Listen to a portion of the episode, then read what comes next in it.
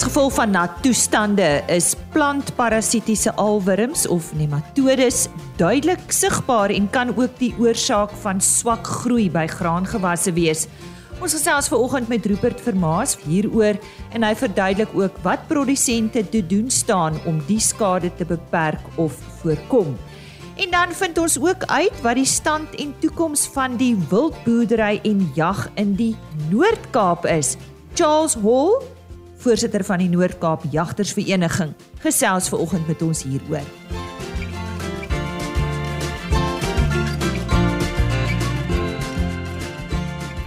Dis dan RSG Landbou vir oggend op hierdie Woensdag 26 Januarie. Baie welkom. My naam is Lise Roberts.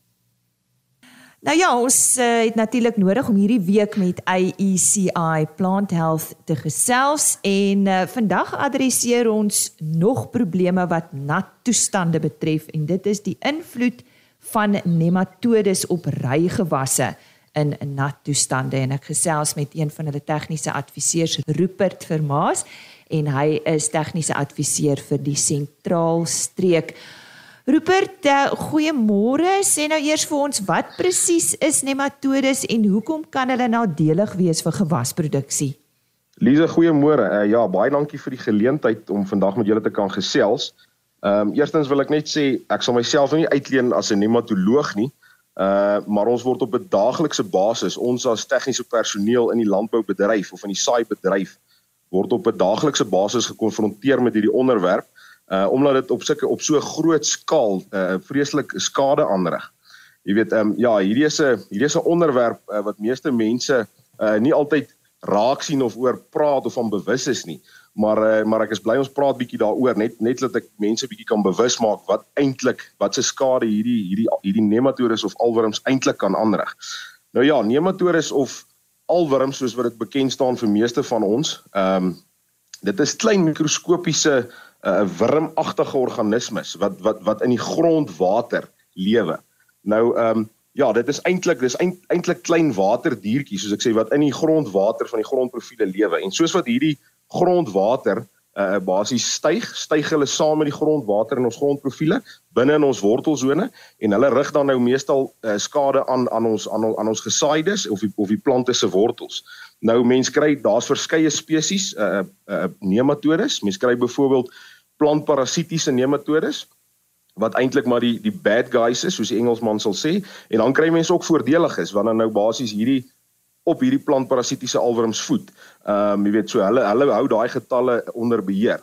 Maar uh, ja, die plantparasitiese alwurms is eintlik maar die die ouetjies wat vir ons die skade veroorsaak want hulle voed fisies op plantwortels en uh, dan sodoende beskadig hulle die plantwortels en sodoende kry die plant nie genoegsame water en nutriënte opgeneem deur die seisoen nie. So in watter tipe omstandighede floreer uh veral plantparasitiese alwurms of soos jy gesê het nematodes? Ja, Lise, ehm um, dis nou tipies soos 'n jaar soos vanjaar waarin ons onsself bevind in hierdie uitermate nat toestande. Uh jy weet die grondprofiele is al reeds uh vol water en uh, soos wat soos ek genoem het, soos wat die grondwater styg, jy weet, uh, raak hierdie nematodes baie meer beweeglik uh en hulle styg saam met die water in die wortelzones in. Nou ja, temperatuur speel ook 'n groot rol uh op hierdie nematode getalle want uh, soos wat dit warmer word, uh hoe kan ek sê teel hulle eksponensieel aan uh en floreer hulle hoe warmer dit word. Ehm um, so so so ja, alhoewel hulle in in meeste grondsoorte voorkom, is dit 'n baie groter probleem op sandgronde want hulle is baie meer beweeglik in die sandgronde omdat die die deeltjie grootte van die sand groter is en daar's daar's meer makroporee uh waarin hulle kan beweeg in die grondwater dan. So so ja, op kleigronde kry mense hulle ook, maar ehm um, maar ja, die sandgronde is maar eintlik die groot probleme. So kleigronde is nie heeltemal gevry waarvan van af van nematode skades nie, maar ehm um, maar in 'n baie mindere mate en, en dit is nie ekonomies uh, noemenswaardig binne van die dag nie. Maar in, maar in ons sandgronde in ons hoër produksiegebiede, veral byvoorbeeld Vrystaat Noordwes wat wat uit die aard van die saak laer klei persentasie gronde het, is hierdie 'n 'n 'n 'n dramatiese probleem vir vir vir ons saaiboere. Hoe lyk tipiese alwurmskade aan byvoorbeeld rygewasse en ons praat nou seker hier families en sojas en so aan. Uh Lise ja, op op die oog af as jy net byvoorbeeld langs die land moet staan, uh sal jy tipiese onreëlmatige patrone sien. Basies, jy weet jy sal kolle in die lande sien of selfs in een ry. Uh as jy so kyk sal daar gro uh, twee groot plante en dan weer vyf kleintjies staan. So dis nie 'n ding wat wat algeheel die druk algeheel oor die land dieselfde is nie. So dit is maar 'n onreëlmatigheid, 'n ongelyke land of ongelyke groei van die plante. Ehm um, ja, so ek sê in dieselfde ry kry jy soms groot en klein plantjies. Ehm um, en dan byvoorbeeld as mens nou gaan kyk na sojabone, sal mens fisies as jy die plant uittrek op die wortel, sal jy fisies die skade of die die galle uh wat hulle noem op die wortel sien. So dis sulke verdikkings wat die alwurms veroorsaak. Want byvoorbeeld jou knopwortel alwurm gaan fisies in die wortel in en dis waar hy voed en dan veroorsaak dit 'n gal. Maar aan die ander kant op 'n mielie is dit nie so ooglopend nie. Ehm um, jy kan 'n mieliewortel uittrek, jy sal nie noodwendig altyd galle sien nie, want dis byvoorbeeld 'n ander 'n 'n 'n tipe 'n spesies wat op 'n mielie ook sal voed en dit is byvoorbeeld soos 'n letselalwurm. Nou hy rig net fisies skade aan die wortel of hy vreet die wortel. Hy gaan binne in die wortel in en dan kan hy weer uit uh uit die wortel uitgaan. Ehm um, maar ja, hy hy hy veroorsaak skade want dan die wortel beskadig dat hy nie kan uh, uh nutriënte en water opneem nie. Maar uh maar ja, jy jy sien dit nie so ooglopend nie. Dis meer 'n ek wil amper sê op 'n mielie is dit meer uh, daar's meer hoe kan ek sê minder wortels teenwoordig omdat die alwurm al reeds 'n klomp beskadig het. So jy sal hom nie so fisies sien nie.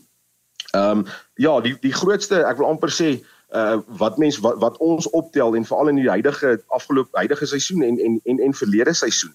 Ehm um, dit is wanneer 'n mens klein gesaaides het, soos byvoorbeeld 'n mielie of 'n soetjie wat net ontkiem of net uit die grond uitkom en wat nog min uh, hoe kan ek sê wortels uh, het wat gefestig is. As 'n ou dan daai 40 of 50 mil reën of daai swaar by reën kry op 'n grondprofiel wat al reeds amper vol is, dan styg daai waterprofiel en daai daai min hoeveelheid worteltjies word dan so getakel deur hierdie plantparasitiese alwurms en dan bly daai plantjie half agter. Ek wil amper sê jy sit met die spreekwoordelike boep en skalf dan uh, en hy kom net nie uit die blokke uit nie.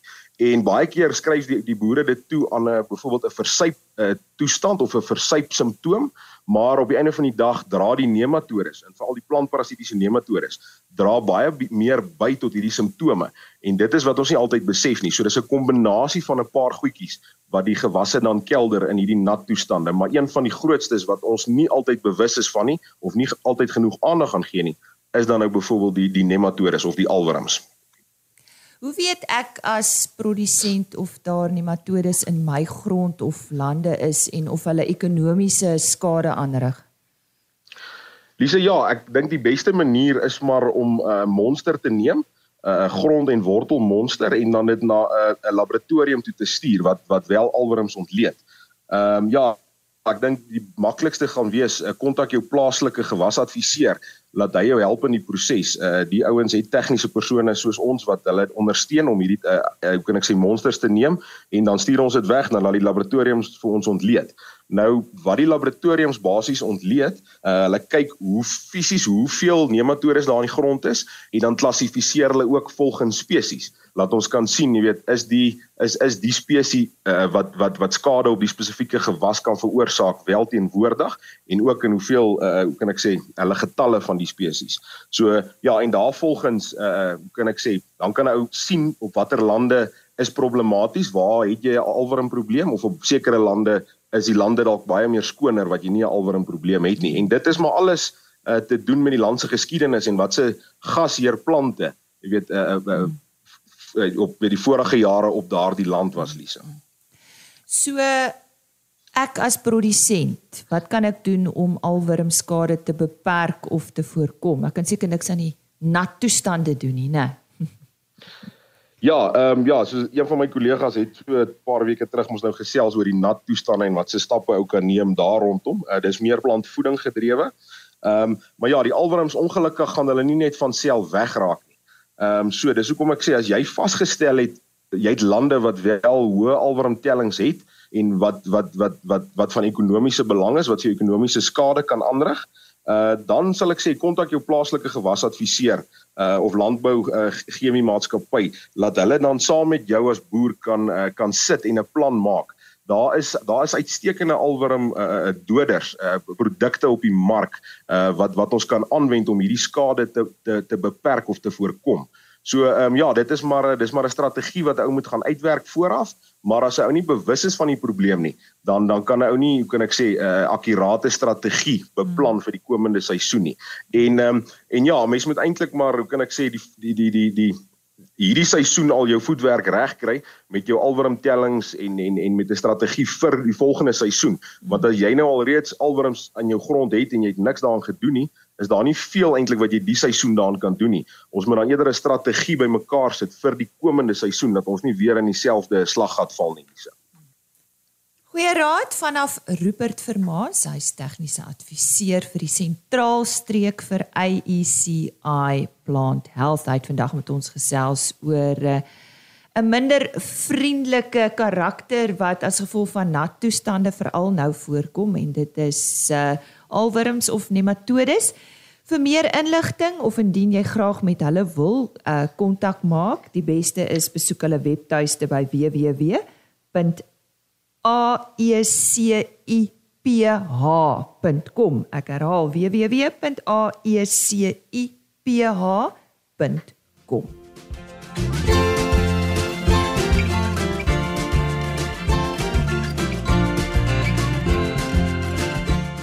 Wildboerdery in die Noord-Kaap en daarmee saam die jagbedryf het in die afgelope jare tot een van die groot ekonomiese bydraers in die provinsie gegroei. Ek gesels nou met Charles Hall, hy's voorsitter van die Noord-Kaap Jagtersvereniging. Nou Charles, jy sê julle is daar in die Kimberley omgewing. Ek hoor julle het ook lekker reën gehad. Deel so 'n paar feite met ons en die luisteraars. Goeiemôre.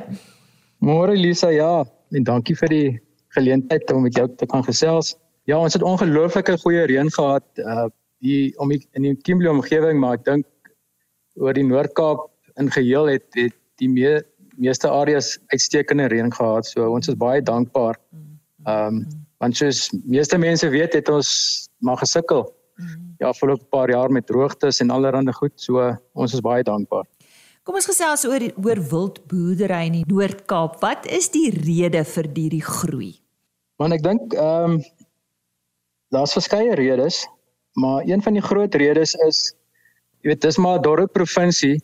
Ehm um, die groter meerderheid van die provinsie is maar is maar amper ons kan dit amper semi woestyn tipe habitat noem.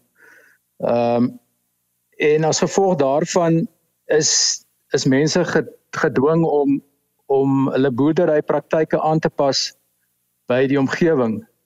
Ehm um, weet jy die enigste intensiewe boerdery wat moontlik is in die Noord-Kaap is maar is maar teen die groot riviere soos die Oranje rivier en en die Vaalrivier. Maar die res van die ehm uh, van die area is maar is maar droog en as gevolg daarvan is die draagkrag ook laag. En as gevolg van dit moet mense kyk na wat wat die beste aangepas is tot die omgewing en en in hierdie geval natuurlik is dit ons inheemse wildspesies jy weet uh, hulle is die beste aangepas. So baie mense het maar oorgegaan na die wild toe. Ehm um, die kostes is laag. Jy weet daar's nie vee diefstal nie, parasietbeheer raak al hoe duurder met jou gewone vee. Ehm um, so, so al hierdie faktore beïnvloed of het gelei tot tot 'n toename in in wildboerdery in die Noord-Kaap. Mm. Nou die inkomste waarna ja. ek verwys het vroeër in my inleiding word uit verskeie bronne gegenereer. Dis nie net gaan nie net om ja. met wild te boer nie. Gesels 'n bietjie met ons hieroor. Ja, wel daar's verskeie uh, inkomste geleenthede uh, gekoppel aan wildboerdery. En die belangrikste op hierdie stadium in ons provinsie is die plaaslike jagters. Jy weet, ehm um, dis ons brood en botter. Hulle is by verre die grootste inkomste bron in die wildbedryf in die Noord-Kaap op hierdie stadium. Dan is daar natuurlik die die trofee jagbedryf wat hoofsaaklik die oorseese jagters lok. Ehm uh, en dan die lewende verkope, dis soos byvoorbeeld ons waar wild lewendig gevang word en op veiling verkoop word of sommer direk van die grond af verkoop word. Ehm um, verkoop van wildsvleis is is iets wat al hoe meer belangrik word. Ehm um, en dan uh, die wildprodukte. Ehm um, soos velle en trofees en sulke goed wat uitgevoer word. En dan natuurlik wat wat meer en meer gewild raak in die Noord-Kaap uh is soos die Engelsman sê jou uh, non-consumptive toerisme. aktiwiteite soos staproetes, 4x4 roetes, mense wat wat spesialiseer om op uh in fotografie. So sulke goed. So daar's daar's 'n wye verskeidenheid aktiwiteite wat wat ehm uh, inkomste geleenthede skep. En dit dra ook by tot werkskepping, né? Ja, ja, man definitief. Weet jy as jy vergelyk met uh wildboerdery met uh met 'n veeplaas byvoorbeeld waar jy 'n paar manne het wat wat uitgaan daagliks om skape te gaan tel en water te gaan check. Ehm um, weet met 'n met 'n wildboerdery wat gekoppel is aan jag of toerisme, ehm um, skep dit ongelooflike geleenthede um, terme van werkskepping. Jy weet ehm um, die lodges moet skoongemaak word, bakkies moet onderhou word, uh, diere moet afgeslag word. So daar's beroepsjagters wat opgelei moet word om om die oorseese jagters te kan uitvat. Jy weet daar's bemarking betrokke. So daar's definitief werkskepping en dan ook 'n meer gespesialiseerde tipe werkskepping. Jy weet die die, die ouens wat op die plase uh werk moet redelik gespesialiseerd wees in in verskeie rigtings. Charles, ja. waarom wil mense nou juis in die Noord-Kaap gaan jag? Wat maak julle nou so spesiaal? Man, dis 'n maklike een, jy weet. Dis mos die mooiste provinsie in die land. Kyk, die Noord-Kaap is is 'n pragtige plek. Ek dink daar is iemand wat wat kan stry daarteenoor nie. Ehm um, weet daar's die die vriendelike mense is 'n groot pluspunt. Jy weet ons is ons Noord-Kaapers is maar baie plat op die aarde en en ons baie lief vir vir, vir besoekers. En ons gaan uit ons pad uit om om mense te akkommodeer. Ehm um, daar's 'n verskeidenheid groot verskeidenheid wild as gevolg van die groot verskeidenheid habitat tipes wat ons het. Ehm um, en dan natuurlik die kwaliteit van die wild. Jy weet die die Noord-Kaapse wild is is bekend vir die kwaliteit wat wat afgehaal word. Ehm um, en dit is hoofsaaklik as gevolg van die lae parasietladings ehm um, en dan die groot areas wat waarop gejag kan word en waarin die diere beweeg. Dit kry jy nie sommer in enige ander provinsie nie. Hmm. Ehm um, en ook dan jy jy kan nie bokke sien wat gejag word of wat jy kry maklik die bokke as jy 'n foto wil neem of of as jy op 'n wandelroete is, sien jy wild. As jy dit nou vergelyk met areas wat meer bebos is, hmm. Ehm um, is dit baie moeiliker. So ja, ehm um, ek dink al hierdie faktore help ons om die Noord-Kaap 'n baie gewilde bestemming te maak. Nou lees ek verder, julle fokus nogal op die jeug. Waarom is dit so belangrik en en wat bied julle hulle aan? Ja, wel, ons het ehm um, van die Noord-Kaap jagters se kant af, uh is ons hoofdoel opleiding. Ehm um, en hoofsaaklik in terme van die van die jeug. Kyk, dis belangrik uh, vir die toekoms van jag en bewaring in Suid-Afrika dat dat ons jeug opgelei word. Jy weet in terme van hoe om veilig te jag, hoe om veilig met 'n vuurwapen om veilige vuurwapen te hanteer. En as dit nie weet dit word nie in die skole juis geleer nie. So dit val op op die privaat sektor en ons is geforseer eintlik om om ons jeug in die regte rigting te wys. Ehm um, ja, so ons het aktiwiteite byvoorbeeld vir die klein pikkies. Ehm um, dis nou kinders tussen 6 en 11 jaar oud waar ons vir hulle leer waar, oor die basiese veiligheid van vuurwapens. Uh, hulle hulle leer om eerstens met 'n windpiks te skiet en dan gaan hulle op na 'n punt 22 en 'n haalgeweer hulle, hulle leer selfs om met 'n boog te jag of te skiet op 'n teiken en soos hulle ouer word het ons nou weer ehm uh, meer intensiewe kursusse wat ons aanbied uh, soos die penkopkamp waar 'n ouer en sy kind of kinders uh, 'n uh, naweek kamp kan bywoon. Dit help die ouer ook om, om bietjie saam met sy kind iets in die buitelewe te doen. Pla in plaas van net voor die TV sit of of in die tuin cricket speel of so iets. Ehm um, en dan ja, dan het ons ons groot winterskool wat vir die ouer kinders wat, tussen 15 en 18 jaar oud is. Uh dis 'n week lank lange kursus waar ons alles met hulle behandel, jy weet, van bewaring tot ehm um, die sterre, spoorsny, afslag van wild, weet, groot verskeidenheid goed. Ja, so ja, ons is redelik betrokke met die jeug. Ek kan hoor julle belê werklik in die in in die jeug. Uh om jy af te sluit, so wat hou die toekoms in vir julle? In terme van jag of die ja, wildbedryf? Ja, die wildbedryf. Ja, ja ons dink maar oor pryse, die beskikbaarheid van wild. Ja. Bewaring, volhoubare benutting, wat wat waarmee kan jy ja. mee afsluit vandag Charles? Elisa, dis dis eintlik 'n moeilike een om om om die toekoms te kan lees, maar ehm um, daar is 'n paar negatiewe goed wat wat die wat dit moeilik maak in die bedryf. Ehm um, maar definitief ook positiewe uh, elemente. Jy weet die die die jagbedryf is onderhewig aan verskeie eksterne invloede. Ehm um, en ek praat nou oor die algemeen, nie net in die Noord-Kaap nie. Ehm um, jy weet soos ons nou onlangs beleef of heidaglik beleef pandemies wat wat jou hele bedryf kan kniehalter. Ehm um, So dis 'n groot negatief vuurwapen wetgewing. Jy weet ou kry die gevoel dat wetgewing die so hard as moontlik probeer om dit so moeilik te maak om om met 'n vuurwapen te kan jag en ehm um, en en uh, om met wild te boer. Die ekonomiese situasie, jy weet plaaslik en in die buiteland, as die, as die ekonomie swak is by in die buiteland, is die hele trofee jagbedryf basies in sy glorie in. As jy daai woord kan gebruik. Ehm um, eiendom, eiendomsreg is 'n groot probleem, jy weet. Boere weet nie wat vorentoe gaan gebeur in terme van jou eiendomsreg nie. Ehm um, dan natuurlik die anti-jag sentiment raak al hoe sterker wêreldwyd. So ja. En dis risiko's waaroor ons min of geen beheer het nie.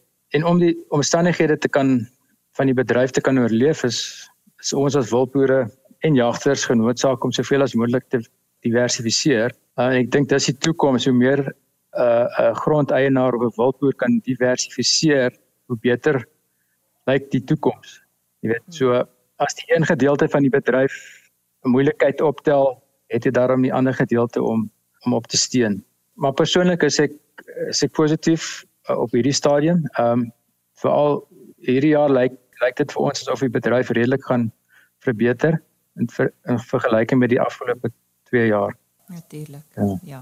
Nou ja, ons sê baie dankie aan Charles Hall. Hy's voorsitter van die Noord-Kaap Jagtersvereniging en hy het vandag so 'n bietjie met ons gesels oor uh, wildboerdery in daardie provinsie en daarmee saam natuurlik ook die jagbedryf en uh, hoe hulle ook uh, ekonomiese bydraers in die provinsie is uh, om te sorg vir groei. En soos ek vir my klink, gaan dit maar goed met die wildboer en die jagter daar in die Noord-Kaap. Ons sê vir hom baie dankie. Dis dan vandag se program. Skakel gerus môreoggend weer by ons in. Ons gesels met Willie Jacobs van Artappels Suid-Afrika oor 'n projek wat hongersnood aanspreek in Suid-Afrika veral hierdie tyd van die jaar. Januarie maand is almal se geldjies maar 'n bietjie min. Dan praat ons ook met die wingerdboukundige van vergeleë wynlandgoed daar in die Somerset Wes omgewing. Hulle het bloekompale aangeplant as deel van hulle wingerde.